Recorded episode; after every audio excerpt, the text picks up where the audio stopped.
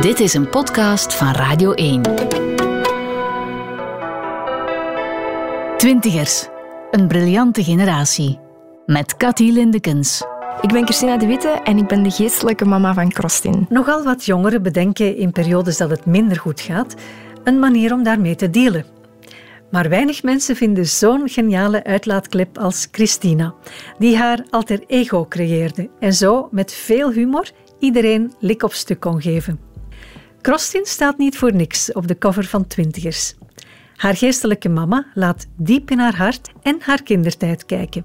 Christina en Krostin. Je gaat het misschien niet geloven, maar ik heb eigenlijk heel veel jeugdherinneringen. Maar eentje die er voor mij op dit moment bovenuit steekt, is toen ik een jaar of twee, drie was ongeveer.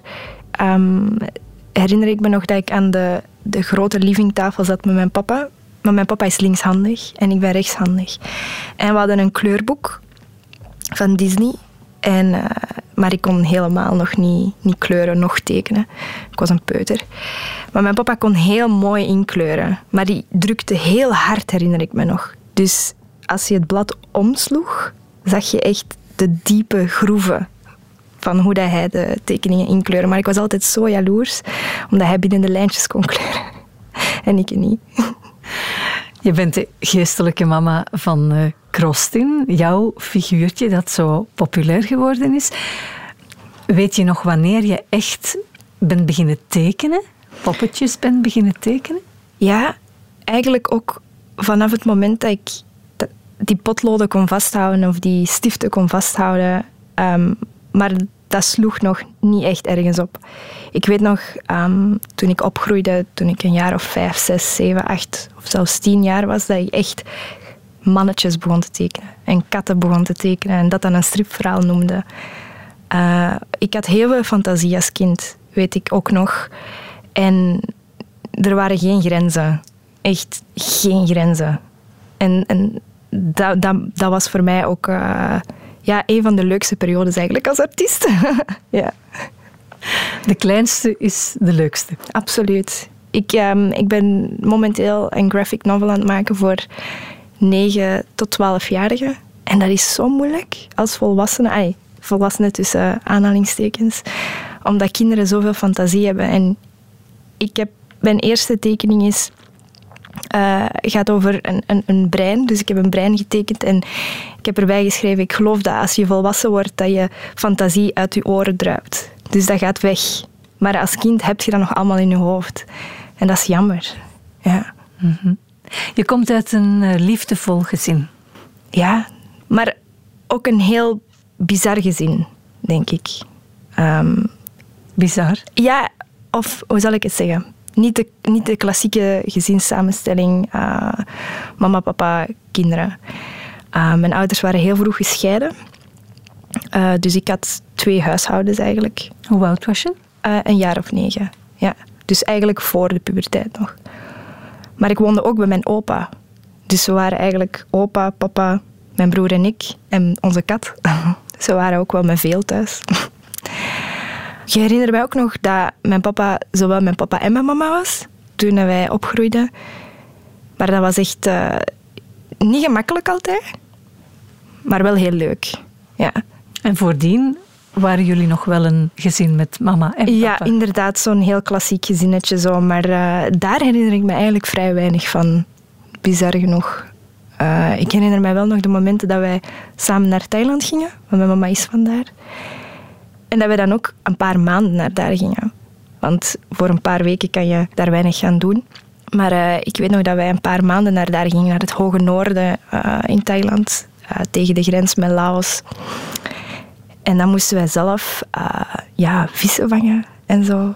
En ik, ik, weet nog dat we op de rijstzakken zaten buiten. En ja, zo de hele Thaise plattelands-style dat wij toen hadden. Daar herinner ik me nog heel veel van. Ja, en ons huis stond op stelten, letterlijk. Op grote houten poten om ja, schade van tsunamis te voorkomen en zo.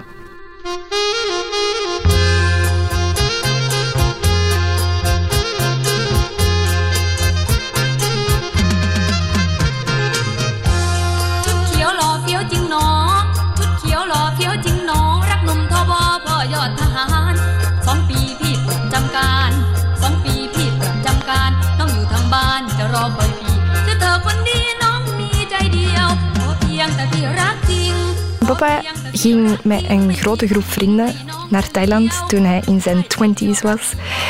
En, uh, maar het is niet zo een, een cliché verhaal of zo. Het is eigenlijk nog wel een leuk verhaal. Um, mijn mama was vroeger zangeres van beroep. En zij deed dat blijkbaar heel goed. Zij heeft een paar albums gemaakt, een paar platen uitgebracht ook. CD's waren toen ook, bestonden toen ook al. Uh, dus dan had ze die ook in CD-vorm. En uh, mijn papa zag mijn mama optreden blijkbaar.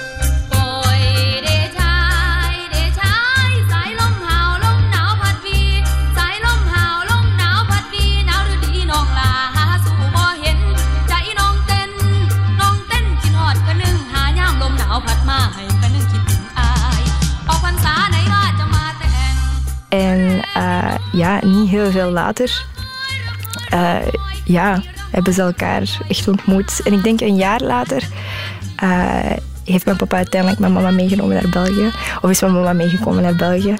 En dan zijn ze hier getrouwd. En dan hebben ze mij gekregen. En dan drie jaar later hebben ze mijn broer gekregen. maar ik wil er ook wel vast bij zeggen dat mijn mama um, toch wel een jaar of zes ouder is dan mijn papa. Dus zeker niet het, het stereotyp verhaal van westerse man gaat naar het oosten om een vrouw te zoeken. Uh, nee, dat is, dat is niet het geval. En dat merk ik ook wel. Allee, mijn beide ouders zijn super caring en loving. En ondanks dat ze gescheiden zijn. En woont je mama nog in België of is zij terug naar Thailand gegaan? Momenteel woont zij nog in België. Ergens tegen veel woorden, maar ze wil heel graag teruggaan. Omdat zij voor zichzelf daar meer een toekomst ziet. Zij wil heel graag haar eigen streetfood kraampje beginnen uh, ergens aan de kust in Pattaya. En ik zie dat echt helemaal werken voor haar. Zij is zo goed in koken en heel goed in Thais koken. Um, alles wat ik heb geleerd van zo Thais koken heb ik ook van haar afgekeken. Uh, maar ik wil me daar nog meer in verdiepen. Dus ik wil echt daar nog beter in worden en zo de juiste smaken hebben en alles goed en juist kunnen snijden en de juiste sauzen maken. De smaken zijn heel belangrijk in de Thaise keuken. En ik heb al zo een, een cooking class genomen daar ergens in Thailand. Maar het is toch niet hetzelfde. Als je dat van je mama leert, heeft veel meer geduld met je. En ze zal je dat keer op keer nog wel eens willen uitleggen. Maar dus dat is haar droom eigenlijk om terug naar daar te gaan.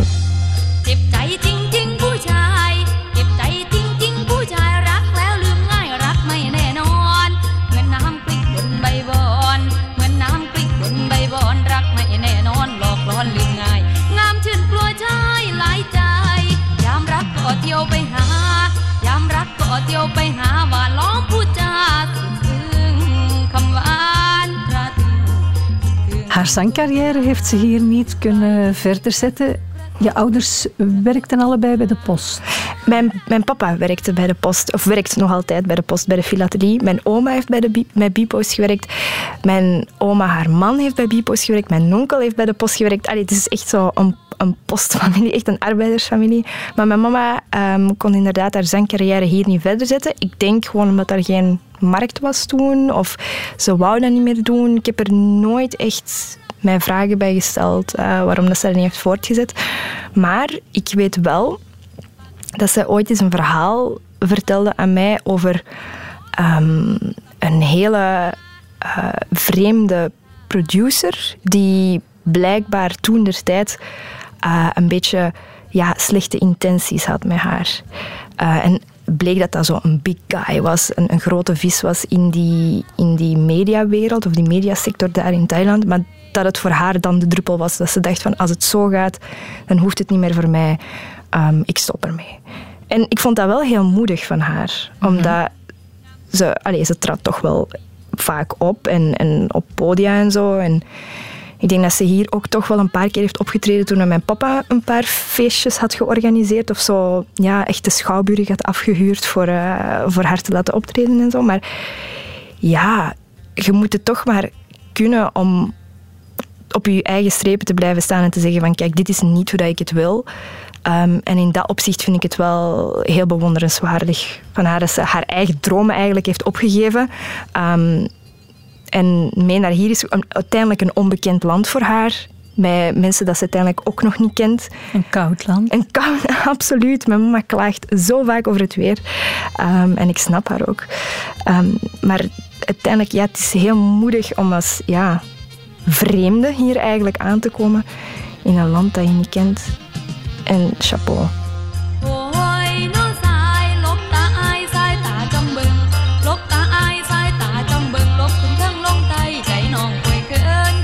'Zong ze veel thuis? Ja, heel veel. Veel muziek in huis? Veel, veel Thaise muziek. Ja. De radio stond wel altijd op als zij, als zij thuis was. Ja. Ja. Hoe was de, de schooltijd, de lagere school? Ging dat goed?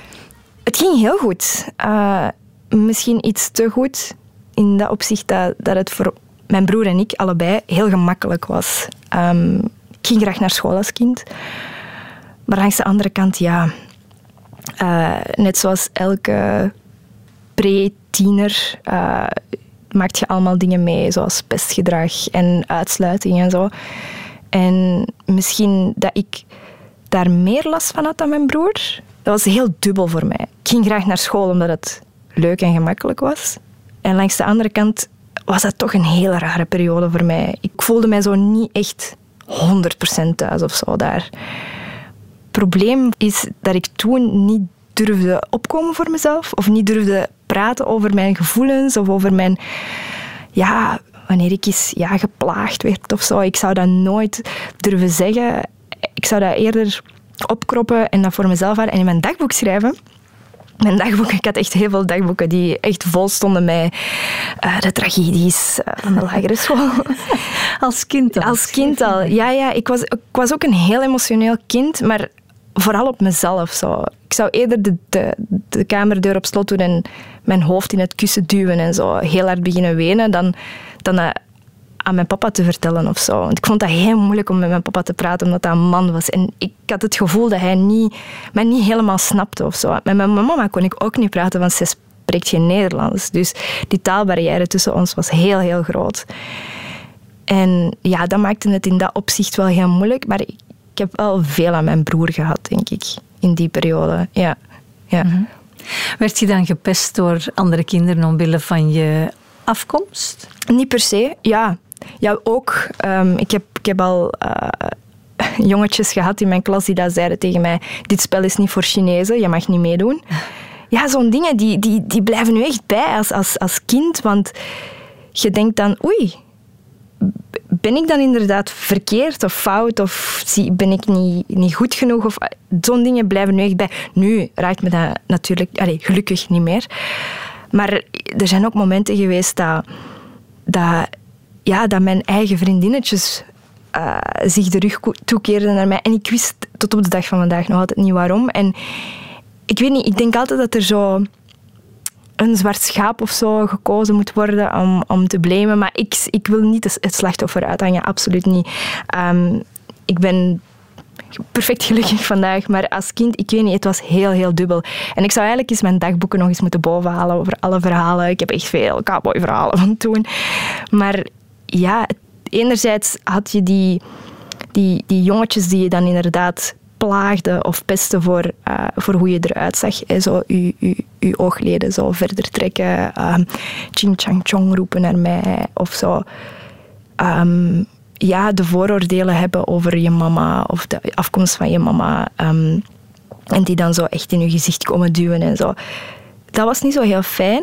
Uh, maar langs de andere kant denk ik ook gewoon dat ieder kind wel op een bepaalde manier met pestgedrag uh, te maken krijgt. Uh, dus in dat opzicht ben ik ook helemaal niet uh, een unicum of zo. Ik denk dat iedereen dat wel op een bepaalde manier in zijn of haar leven meemaakt. Ja. Wat dan ook? Ja, wat dan ook. Er is altijd wel iets. Er is altijd wel iets waar, waar, waar kindjes... Kinderen zijn ook bikkelhard, hè. Ik, ongetwijfeld heb ik ook dingen gezegd of gedaan die dan niet door de beugel kunnen. dus maar die zal ik veel eerder vergeten zijn of veel eerder in mijn onderbewustzijn hebben geduwd dan de dingen die de andere kinderen tegen mij hebben gezegd. Zo werkt het nu eenmaal. Twintigers. Een briljante generatie. In het uh, middelbaar werd het niet beter, hè? Dan werd het aspect of het gegeven van anders zijn heel moeilijk voor mij, inderdaad. Want opnieuw, ik ging heel graag naar school. Ik ging heel graag naar... Ik was heel geïnteresseerd. Eh, ik heb uh, Latijn gestudeerd. Ik vond dat superleuk. Ik had ook een hele leuke groep, klasgroep bij Latijn. We waren mij, op een duur, de laatste twee jaar waren we alleen maar met meisjes, maar we waren ook maar met twaalf. Dus dat was superleuk. Um, ik heb Latijn talen gestudeerd, dus ik had en Duits en Spaans en extra uren Engels, Frans. Ik vond dat geweldig. Ik vond dat heel leuk, nog altijd. Maar ja, puberteit, je groeit op, je wordt een vrouw. Dat zijn allemaal dingen die het voor elk tienermeisje super moeilijk maken.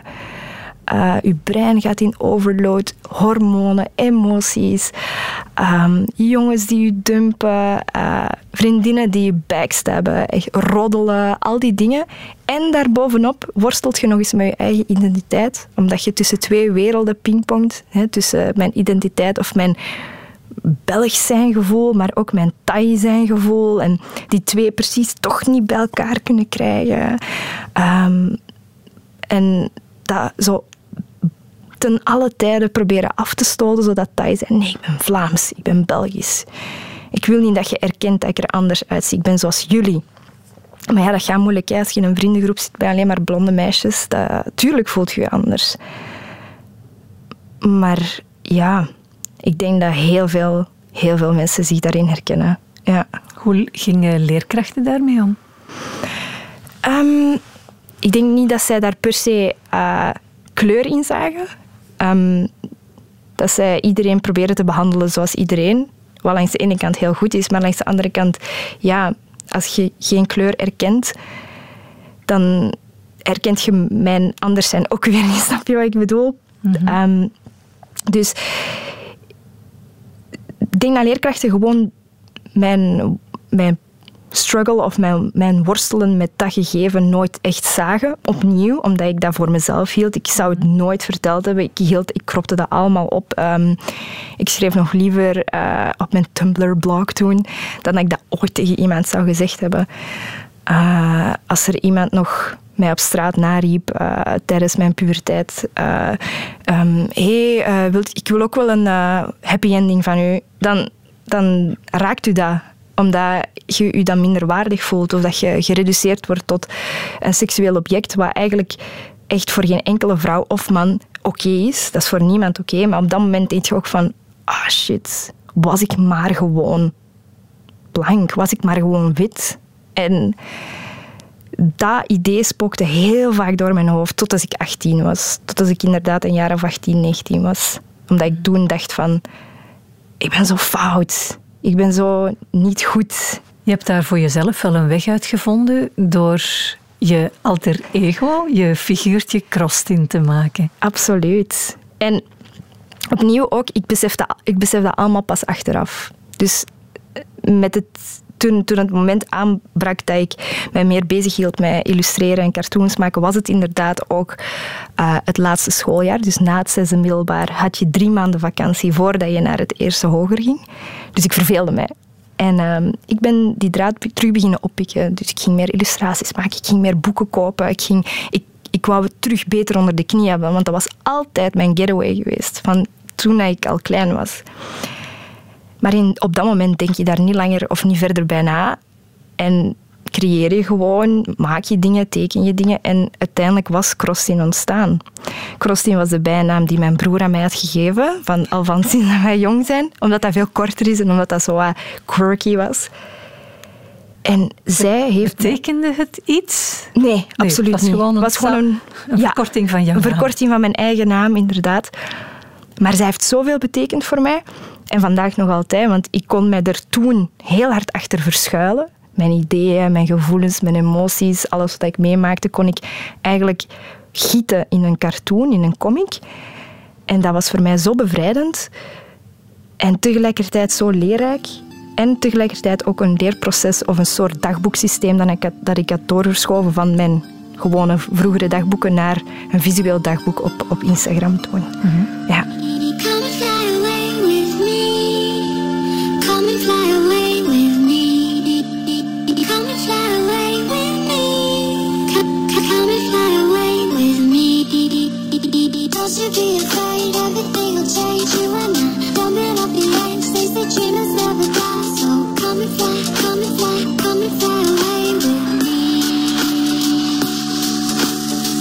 Je hebt eh, je tekenstijl ook wel zelf moeten maken, hè? want je hebt uh, tekenacademie gevolgd, ja. maar je lacht, want dat was niet echt een succesding.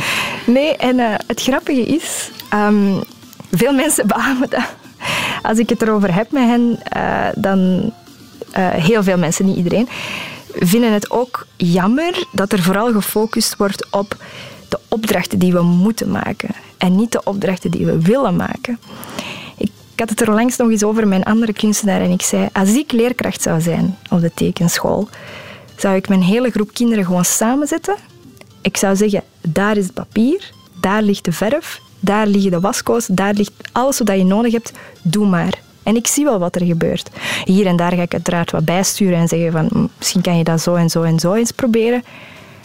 Maar de opdrachten die we daar toen kregen waren zo klassiek, zo theoretisch, zo saai ook gewoon. En daar werd je op beoordeeld of dat je het goed deed of niet. Of dat je gedrag goed was in de klas of niet. Maar aangezien ik die opdrachten niet leuk vond, ging ik het ook echt uit daar. Dus gingen mijn, uh, mijn punten voor gedrag ook ferm achteruit. En dat creëert ook zo dat je m'en gehalte zo bij mij, dat ik zoiets had van, het interesseert mij toch niet. Waarom zou ik nog naar school gaan en op een woensdag namiddag nog eens naar school gaan? Het interesseert mij niet. En dat was ook, oké, ik geef toe, dat was tijdens mijn puberteit. Ik rebelleerde dan ook wel wat meer dan vandaag of zo. Maar dat was echt geen, nee, dat vond ik echt niet fijn. Ze zouden zich meer moeten focussen op de talenten van de kinderen uh, zich focussen op wat dat zij graag doen. De een is meer digitaal gericht, de ander kan heel goed waarnemingstekenen, de andere kan beter boetseren. Laat ze gewoon doen. Hmm. Was hij een lastige puber? Ik denk van wel. ik denk echt van wel. Ik meen het zo te horen. ja, ja, ja. Um, ik noem dat shenanigans, kattenkwaad, omdat... Um, kattenkwaad is goed. Kattenkwaad is, kattenkwaad is goed, uh, maar je mocht er niet te veel over gaan. Ik, eh, ik weet nog dat ik het soms uitging ook gewoon om het uit te hangen. Gewoon omdat negatieve aandacht ook aandacht is. En soms wil je gewoon ja, roepen en schreeuwen en het ja, en geodriehoeken in het plafond gooien tijdens de les, want dat deed ik dan ook. En, en amai, de dingen dat wij deden, propjes gooien en bewust te laat komen. Ehm, eh, in het park blijven zitten in plaats van terug naar de les te keren. Uh, in de tekenschool ging dan naar de kelder en smeten we met gips naar elkaar. En dan zo helemaal wit terug naar boven komen. Uh, wij, deden echt heel veel dingen die, uh, die eigenlijk niet oké waren. Ja. Maar ja, ik denk opnieuw, die puberteit, je mocht dat echt niet onderschatten. En voor sommige mensen uit, uit dat zich in andere dingen, maar voor mij was het dan echt zo, ja, het een beetje uithangen. En ik heb nog altijd het gevoel dat het er nog altijd een beetje in zit. Ja. In het middelbaar waren er ook heel hoge verwachtingen hè? en daar kreeg je stress van. Ja, en ik denk iedereen.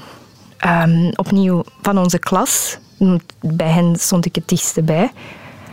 Um, toen ik naar het middelbaar ging, was het ook de opkomst van Smart School. En nu is er zo'n heersend probleem met Smart School dat sommige leerkrachten opdrachten geven tijdens de vakanties, want het is snel, het is makkelijk. Vroeger hadden wij een opdracht, we schreven in onze agenda klaar. En Smart School was nog in beta-versie, dus dat was nog upcoming en zo. Allee, dat was wel heel handig voor uw punten en zo te zien. Maar langs de andere kant, ik ehm, had wel nog altijd een gevoel dat het, heel, dat het heel prestatiegericht was. Natuurlijk, um, voor mij waren alle richtingen hetzelfde of even belangrijk of even nuttig. Maar ik had het gevoel dat bij Latijn, oh, je studeert wel Latijn, hè? Maar je moet wel super slim zijn. Nee, nee, echt niet. Ik ben niet slimmer dan, dan een ander, maar juist dat stigma dat er nog altijd op plakt, maakte het voor ons super moeilijk om ook daaraan te houden. Of om nog altijd aan die verwachtingen te voldoen eigenlijk. Jullie zijn wel de Latijnklas, hè? Allee, gedraagdoelen is. Zo, die sfeer zo. Maar al bij al, ja, de verwachtingen. We zijn er gelukkig niet ten onder gegaan, dus voilà, kijk. Goed zo. Something's gonna bring a change. Journeys we are meant to take. Something at the edge of space, calling us to fly away. Jouw figuurtje Krostin, je noemde het zelf in, in je boek de grappiger en meer extroverte versie van mezelf. Ja, omdat ik denk ook gewoon dat dat zo een uitlaatklep is voor mezelf. Alle dingen die ik denk of voel, ik zal die niet per se zo zeggen. Uh, ik, veel eer zou ik een, een cartoon maken of een comic maken en dat haar laten zeggen. En dan mij verschuilen achter, achter het zwart-witte prentje, omdat dat voor mij veel makkelijker is. Ja. En veel veiliger ook. En uh, dan kan ik gewoon zeggen, ja maar nee, kijk, zij zegt dat. Mensen linkten mij hiervoor nog niet echt per se met mezelf aan, aan mijn cartoon. Maar dat is nu ook wel al gedaan. ja. Dus daar kon je alles in kwijt? Ja, nog altijd wel hoor. Ja. Ja. Mensen weten ook wel dat ik een uitgesproken mening heb. En als je van mijn cartoons houdt, dan kan je ook wel verwachten dat dat soort dingen er zeker uit gaan komen. Hoe oud was je toen je beslist hebt om uh, Crostin op het internet te gooien, online te gooien? Een jaar of 18, 19. Ja, ik denk dat de zomer dat ik 19 werd, um, ben ik effectief begonnen met uh, Crossin online te smijten, omdat ik zoiets had van, hey, misschien vinden andere mensen dit ook nog wel leuk. En um, toen ging dat nog heel ouderwets. Hè. Dus dan tekende ik op papier en dan scande ik dat in en dan ging ik dat zo uploaden op, uh, op social media. Nu gebeurt dat veel sneller. Nu werk ik digitaal um, en dan post ik het rechtstreeks van, van mijn tekentablet, van mijn iPad. Maar ja, ik was een jaar of 19. Twintigers. Een briljante generatie. Met Cathy Lindekens. Krostin ging dus als alter ego van Christina de wereld verkennen. Wat ik zo fantastisch leuk vind aan deze generatie, is hoe jongeren met talent via het internet heel snel wereldwijd hun weg kunnen vinden naar een publiek en naar belangrijke mensen die in dat talent geloven. Of die nu hier zitten of aan het andere eind van de oceaan. Zo verging het ook Christina en toen ging het plots heel snel. Eerst uh, heb ik mij ingeschreven voor een wedstrijd. Uh, de Flair Online Talent Award heette dat toen. En dat is een wedstrijd dat ze ook maar twee keer hebben georganiseerd uiteindelijk. Um, het magazine Flair was op zoek naar een, een online creative eigenlijk. Dat mocht schrijven zijn, vloggen, bloggen, noem maar op, alles wat je kan bedenken. Maar ik was de enige cartooniste die meedeed bij dat, bij, bij dat spel, bij die wedstrijd. Maar ik heb het ook toen moeten opnemen tegen mensen die toen al 10, 20.000 volgers hadden. Maar ik had er ocharme 500. Maar op dat moment dacht ik toen ook, kijk, ik heb niks te verliezen. Ik ga gewoon die underdog-positie innemen. En ik heb dat ook gedaan. En ik denk gewoon dat de, de redactieleden van, de Flair, van Flair uh, gewoon ja, zoiets hadden van, daar zit echt iets meer in. Hoe fijn zou het zijn moest Flair een huiscartooniste hebben? En ik ben er volledig voor gegaan. Ik heb mij helemaal gegeven en uh, in oktober van dat jaar ben ik ook ineens gebombardeerd tot huiscartooniste van het magazine. En vanaf dan is het inderdaad heel snel gegaan. En vanaf dan heeft een vriend van mij um, een artikeltje geschreven op het, op het forum uh, Board Panda. En dan zijn ze viraal gegaan. En dan had ik ineens een, uh, een uitnodiging om, om naar New York te komen voor een, voor een boekcontract. En vanaf dan, ja... ja, wat een, een heel bekende uitgever, maar Gottlieb, ja. die zag jouw tekeningen ja. en zei... Dat meisje moet ik hebben. Ja, echt uh, heel... Zo is het inderdaad gelopen. En tot, tot, nu, allez, vind, tot nu vind ik dat nog altijd heel uh, frappant dat hij dat dacht over mij. Want tenslotte, hij is van New York. Ik ben van België. Niemand kent mij in de US. Maar hij had een, een visie of, of een idee over mij waarbij hij dacht dat, ik, dat, ik, dat er wel meer in mij zat, dat er wel een, een boek in mij zat, dacht hij. Maar ik dacht eerst, ah, het zijn gewoon honderd van mijn favoriete comics of zo, van mijn favoriete cartoons. Lekker gemakkelijk. Maar Mark bedacht dat het ook een heel leuk idee ging zijn voor mij als ik een echt boek ging maken met woorden en zo. En dat was voor mij wel een hele grote uitdaging, zeker omdat ik toen nog een jaar of 19, 20 was. Uh, en ik had nog nooit een boek geschreven, laat staan in het Engels. Maar uiteindelijk viel dat al bij al nog heel goed mee, omdat ik heel goed wist welke richting dat ik wou uitgaan. Um, en zo geschiedde, The Ultimate Survival Guide to Being a Girl. Grew in a town that is famous as a place of movie scenes.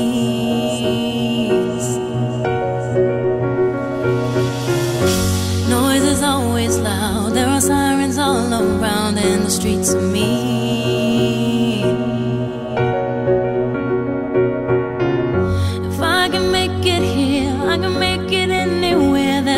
they say.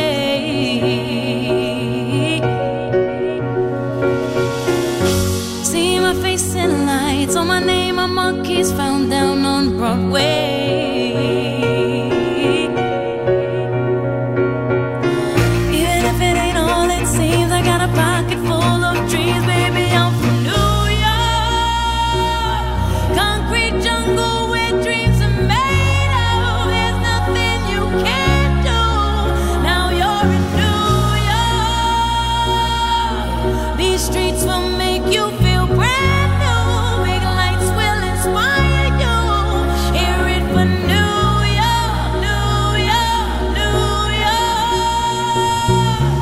Vertelt het nu heel simpel, Ja. maar je was 19. Je krijgt dan een uitnodiging van een uitgeverij in New York en je vertrekt naar New York. Hoe is dat gegaan? Ja, ik vertrok naar New York helemaal in mijn eentje. Dat was ook mijn eerste reis dat ik ooit alleen, echt alleen alleen deed. En dat was zo spannend. Eh, het was ook ijskoud in New York. Dus ik had een hele dikke jas aan, maar ik mo- ik moest ook heel lang op het vliegtuig zitten. Dus ik had gewoon een simpele legging aangedaan voor het comfort. En dan dacht ik, als ik in New York aankom, doe ik gewoon een lekker warme broek aan. Maar eh, British Airways eh, was mijn bagage verloren tussen de overstap eh, van Londen naar New York. Dus Murphy was meegereisd. Murphy was helemaal meegekomen in het bagageruim. En ik kwam aan en ik was mijn bagage kwijt. In mijn grote bagage natuurlijk mijn kleren. Maar goed, ik, ik ben, naar, ben naar die uitgeverij gestapt. Ik ben daar naartoe gegaan en dat was een hele leuke, productieve meeting. Het was heel fijn om dat allemaal eens in het echt te zien. En dat was... Die zijn kantoor was zo op Fifth Avenue en de view, de skyline van New York. Het is echt hoe, dat je, hoe, dat, hoe dat, dat mensen zich New York inbeelden. Zo was het. En ehm, dan heb ik ook mijn uitgeverij ontmoet, eh, Running Press. En dat was, dat was een team van allemaal vrouwen. En zij waren zo mee met mijn idee en, en wat ik wou doen. En, en ze, ze twijfelden geen moment aan mij. En dat had ik echt nodig. Iemand of mensen, gewoon één of meerdere mensen die zeiden tegen mij... Ja, maar je kunt dat. Je kunt dat. En dan dacht ik, oké, ik kan dat. ja. Maar je moet dan wel een deal sluiten, een zakelijke deal. Ja. Voor het eerst in je leven. Dat, is, dat was inderdaad heel spannend. Maar ik heb een voorstel gekregen. Dus het was niet zo dat ik echt heel veel heb kunnen onderhandelen. Omdat het gewoon... Hier is een voorstel. Wil je het of wil je het niet? Maar we hebben... Dankzij dus die agent Mark Gottlieb, hij was eigenlijk de negotiator. Hij was eigenlijk de persoon die voor mij ging onderhandelen met de uitgeverijen. En dan heeft hij de beste deal gesloten met de uitgeverij Running Press. En dat was dan voor mij ook zo absurd, omdat dat cijfers zijn waarbij ik hier in Vlaanderen niet eens over durf dromen. Het boek ligt, eh, ligt hier bij mij. Sommige meisjes houden niet van rozen, heet het Ja. in het Nederlands. Maar het is in negen talen vertaald. Ja, ondertussen wel. En eh, het- sommige meisjes houden niet van rozen, is, geloof het of niet, mijn favoriet. Ehm, ik heb het ook zelf geschreven in het Nederlands, dus ik heb het initieel inderdaad in het Engels geschreven, maar ik heb het ook in het Nederlands geschreven. Uiteraard, Nederlands is mijn moedertaal, dat gaat veel vlotter en zo. Maar ehm, ik vind de nuances die, erin, die er worden gelegd, of zo de hele... Daar ben ik nog wel het meeste trots op, uiteindelijk. Ja, mijn eerste boek. Je schrijft er ook in over de relatie met je broer. Ja. Wat vond hij ervan? Ik denk niet dat hij het boek heeft gelezen, om eerlijk te zijn. Ehm, maar mijn broer, ja, mijn broer en ik, wij komen, ook, ook al zien we elkaar niet zo heel veel vandaag, of de laatste tijd, wij zijn, je voelt dat wel, die broer- en zusconnectie. En ik denk dat heel veel mensen zich daarin herkennen, maar als we elkaar nu al een paar maanden niet meer zouden gezien hebben en we zien elkaar dan terug, er is niks veranderd. En we zijn nog altijd zo heel ja, wilde brassen en heel lacherig en heel hahaha. En dat gaat nooit veranderen. En mijn relatie met mijn broer heeft bijgedragen tot de persoon wie ik ben vandaag. Je mocht dat ook niet onderschatten, inderdaad. Uw, uw, uw siblings, uw broers en zussen, eh, dat, dat, dat vormt je echt als persoon. Misschien wel evenveel als dat je ouders dat doen. Belangrijk is ook, denk ik, ehm, dat jouw insteek is, je moet lief zijn voor jezelf. Bijvoorbeeld elke avond iets positiefs schrijven over jezelf, zodat je je zelfbeeld sterker wordt. Ja, eh, dat, dat was ik al vergeten dat ik dat had geschreven, want eh, het, het ding met advies is, ik volg het zelf niet. Ehm, maar ik doe mijn best. eh, inderdaad, lief zijn voor mezelf, dat doe ik wel heel veel. Ik ben heel lief voor mezelf. Ik ben ook heel beschermend. over mezelf. Ik zou eh, vandaag veel minder de dingen doen eh, die ik niet graag doe, dan dat ik ze wel zou doen. En dat is echt een, een heel proces geweest, sowieso. Maar tieners zijn zo hard voor zichzelf. Ehm, misschien ook dankzij social, social media dat, dat, dat, uw zelfbeeld gewoon echt aan diggelen slaat. Zeer zeker. Ehm, maar dat hangt ook heel veel af van opvoeding. En ik vind ook gewoon als je uit een warm nest komt of heel goed overeenkomt met je broers en zussen, dat dat zoveel kan helpen in je zelfzekerheid. En ik heb inderdaad ook heel veel het geluk gehad dat ik heel goed overeenkwam met mijn papa, heel goede band had met mijn oma en zo. Zij hebben mij de dingen bijgedragen die ik moest weten om vandaag als volwassene door het leven te gaan. Maar langs de andere kant, heel veel hangt af van jezelf. Als jij het niet gaat doen, gaat niemand het doen. En houden van jezelf kun jij alleen maar zelf doen. Het is niet makkelijk, dat geef ik wel toe. Dan is het ook wel fijn als je uit zo'n warm nest komt, dat je dat kunt delen met zoveel andere Ja. mensen. Want ik heb, we hebben ook onze ups en downs gekend. Hè. De scheiding was heel moeilijk en problemen met stiefouders en ja, puberteit en al die dingen. Iedereen maakt dat mee, sowieso. Maar het is heel belangrijk inderdaad om die boodschap blijven, er echt te blijven te hameren. Van kijk, eh, jij hebt je leven in handen. Er komt nog zoveel meer op je af als je opgroeit. Dus je kunt beter maar met een gezond hoofd en in een gezond lichaam, zoveel mogelijk natuurlijk, in die wereld stappen. Twintigers. Een briljante generatie. De periode waarin je je boek geschreven hebt was vrij heftig, omdat je communicatiemanagement studeerde. Eh, je was je bachelorproef aan het maken, je liep stage en dan moest je dat boek voor die bekende Amerikaanse uitgever schrijven. Dus heel veel tegelijk. Heel veel tegelijkertijd. En ik moest ook nog mijn eerste event organiseren als illustrator. Ehm, dus al die dingen gebeuren tegelijkertijd. En toen was ik al een beetje ouder. Denk een jaar of twintig of bijna 21. Maar zelfs voor een jong persoon als ik, die zo stevig in haar schoenen staat, was dat te veel. En ehm, ik ben toen dichtgeklapt. Ehm, gelukkig, gelukkig voor mezelf had ik het wel op tijd ingezien en, en heb ik ook geluisterd naar mijn lichaam. En mijn lichaam zei nee. dus ik moet niet ja blijven roepen of ja blijven doen als mijn lichaam nee zegt. Dus ik ben naar de dokter gegaan en, en ehm, hij zei van ja, kijk, eh, als je niet in een burn-out wil vallen, eh, zou ik gewoon nu stoppen met zoveel hooi op je vork te nemen. En dat was zo moeilijk voor mij, want ik, ik was jong. Je, je bent jong en je wil wat. Die uitspraak bestaat voor een reden. Hè. Ja. Ik, ik was jong en ik wou heel veel. Maar het bleek te veel te zijn. En dat was gewoon... Zelfs een, ja, een tussen sterk karakter als ik kon het ook niet aan. En ik moest dat toegeven aan mezelf en dat was bikkelhard. Maar dan ben ik ook gewoon... Ja, daar heel drastisch in geweest ook. En dan heb ik gezegd van, kijk, oké, als je wilt healen en als je na een verloop van tijd terug veel meer dingen wilt gaan doen, moet je nu een stap terugnemen. En dat heb ik ook gedaan. Ik ben, ehm, ja, ben heel fel op mezelf beginnen focussen. Eh, ik ben in therapie geweest. Eh, ik ben alleen gaan wonen. Ehm, ik heb mijn, mij, mij vooral gefocust op mijn werk en dan even gestopt met school. Dus ik mocht ook even een sabbatmoment nemen. Dus dat was wel heel fijn dat ik die steun had van, van de hogeschool. Om één ding tegelijkertijd te kunnen doen. Ja. Was er ook ehm, op dat moment de, de stress van eh, slagen in je hoger onderwijs? Want jij en je broer zijn de eerste in de familie die dat kunnen doen hebben. Ja, dat is waar. Ehm, dat, dat klopt inderdaad. Mijn broer en ik waren eigenlijk de eerste binnen, binnen onze familie die hogere studies zou af hebben gemaakt. Of zou hebben gevolgd hebben. Want mijn mama is gestopt met school toen ze 14 was. eh, in Thailand. Dat was ook helemaal niet zo vanzelfsprekend om verder te studeren toen en daar. En ook heel duur. En mijn papa heeft dat geprobeerd, heeft dat ook eh, opgegeven en heeft zich nu wel helemaal opgewerkt bij de post. Dus dat is goed voor hem. Maar voor mij was dat precies geen, geen optie. Voor mij werd het heel fel, ja, toch aangemoedigd om mijn school af te maken. Ik zou bijna willen zeggen gepusht, maar het was echt gewoon een hele sterke aanmoediging.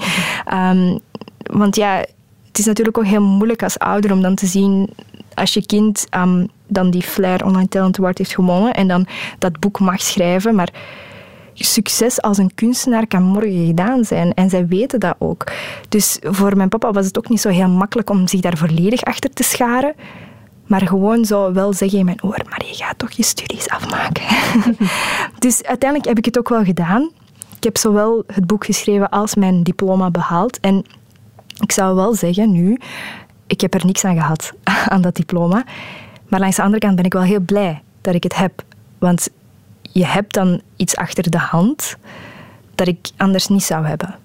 Jouw eh, survival gids kwam uit. Heel veel meisjes eh, kochten hem en hielden ervan. Dan word je een influencer. Oef. En dat is weer nieuwe druk. Ja, ehm, zeker ook omdat ik ze mezelf niet wil opleggen, die druk. Eh, ik vind het altijd heel lastig als mensen mij een rolmodel noemen of een influencer, zoals jij het noemt. Ehm, want in C, een influencer is iemand die invloed uitoefent op iemand anders. Maar het woord influencer heeft vandaag een negatieve connotatie.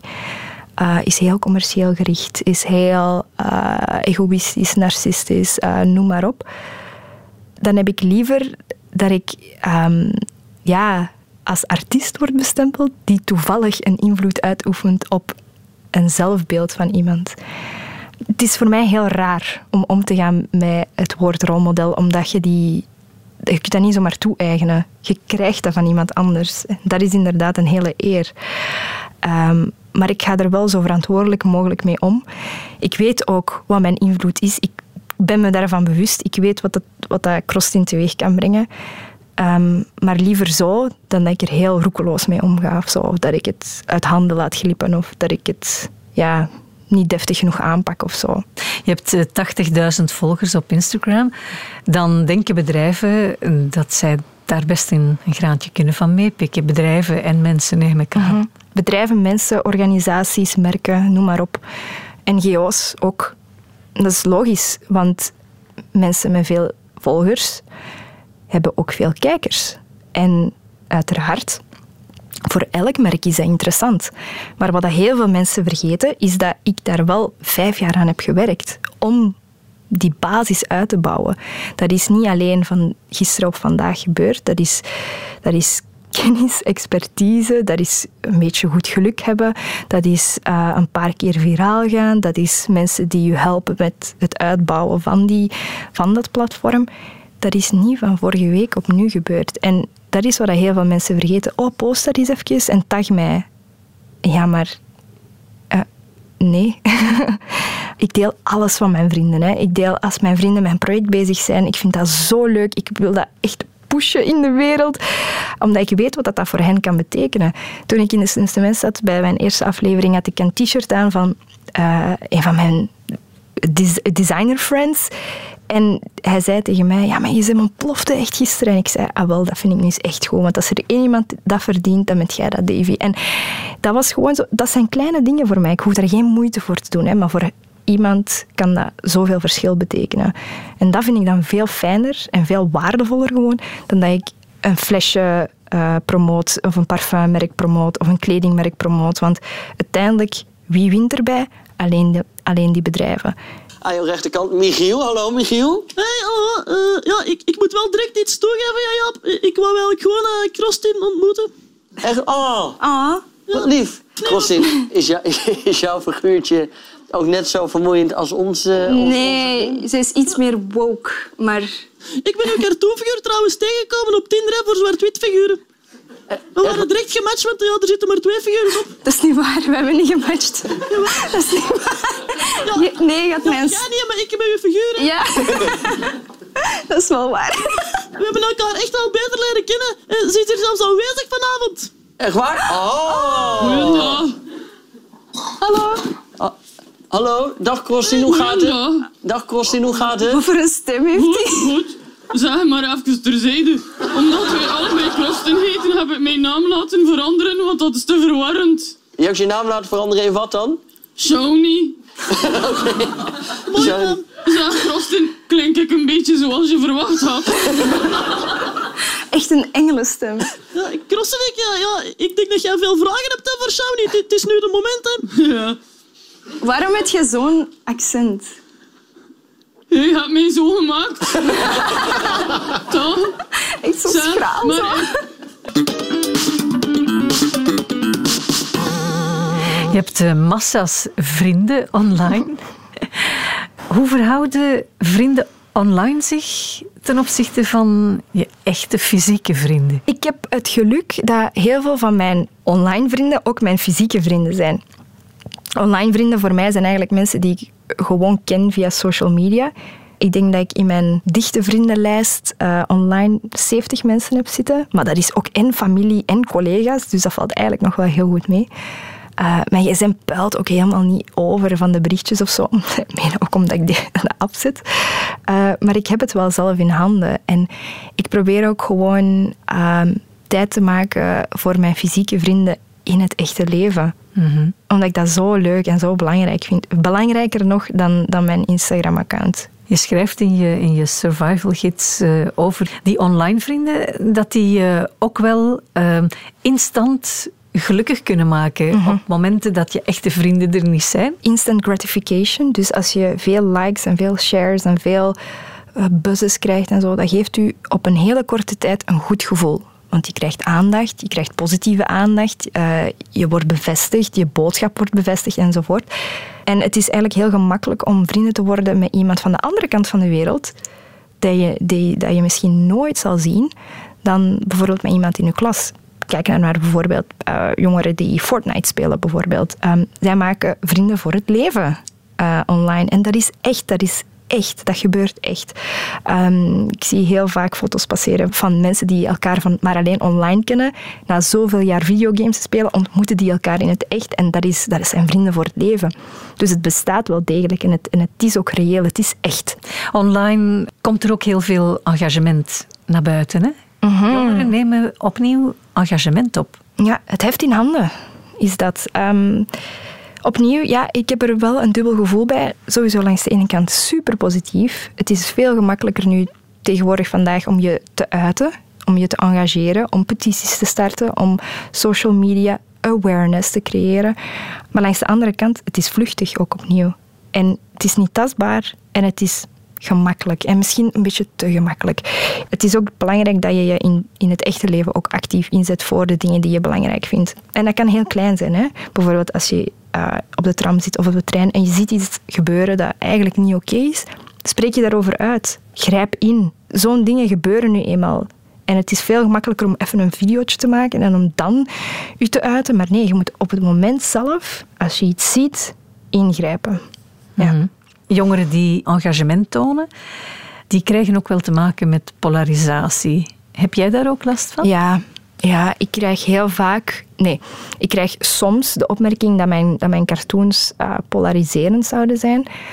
Ik heb nu eenmaal een uitgesproken mening en ik weet dat die ook soms heel extreem kan zijn. Ik weet dat, ik besef dat. Ehm, maar het is niet omdat dat mijn mening is, dat dat de waarheid is. Ik sta heel fel open voor ehm, andere mensen hun mening, tot, tot conversatie zelfs, tot ja, heel graag eigenlijk. Ik, ik hou ervan om, om een discussie te houden. Ik vind dat superleuk. maar alleen als het onderbouwd is, alleen als er echt geldige argumenten komen, alleen als, er, ehm, als je echt een punt hebt. Als het gewoon is om mij persoonlijk te pakken of om mij uit te schelden of om mij de, de, ja, iets slechts toe te wensen. Ja, nee, dan ga ik je gewoon blokkeren. Dan, dat is niet fijn. Dat is, dat is niet fijn voor niemand. Je verpakt je mening altijd wel in veel humor en dat helpt. Absoluut, ja. Ehm, ik denk dat humor een hele goede tool kan zijn om die boodschap over te brengen. Omdat het, het blijft bij, het is grappig, het is luchtiger misschien ook. En het hoeft niet allemaal zo bloedserieus te zijn. Eh, mijn leven is nice, mijn leven is goed. Dus ik ga ook niet doen alsof dat wij in een oorlogsland wonen of zo. Maar er zijn wel degelijk problemen en die ga ik ook niet negeren. Maar wel in een luchtig jasje. Wat wil Krusty nog met het leven en wat wil Christina? Krostin wil heel graag eh, eh, figureren in een graphic novel voor jonge kinderen. Ehm, maar daar is ze volop mee bezig. maar Christina wil eigenlijk ook nog meer ehm, andere dingen uitproberen, andere media uitproberen. Ehm, experimenteren met film, experimenteren met animatie, experimenteren met schilderen, met verven. eh, echt meer passieprojecten gaan kiezen in plaats van de platte commerce te kiezen. Ehm, omdat er, die balans moet er blijven en zijn als ik ook gezond wil blijven. Ik ga niet elke commerciële opdracht aannemen. Ik sta nu ook in die positie om dat te doen, dus ik ben heel dankbaar. Eh, ik mag ook kiezen voor passieprojecten nu en dan. En daar wil ik mij vooral op focussen de komende jaren. Passie voor het leven. Passie voor het leven. Dit was Twintigers, een podcast van Radio 1. Ontdek nog meer podcasts van Radio 1 in onze app en op radio1.be.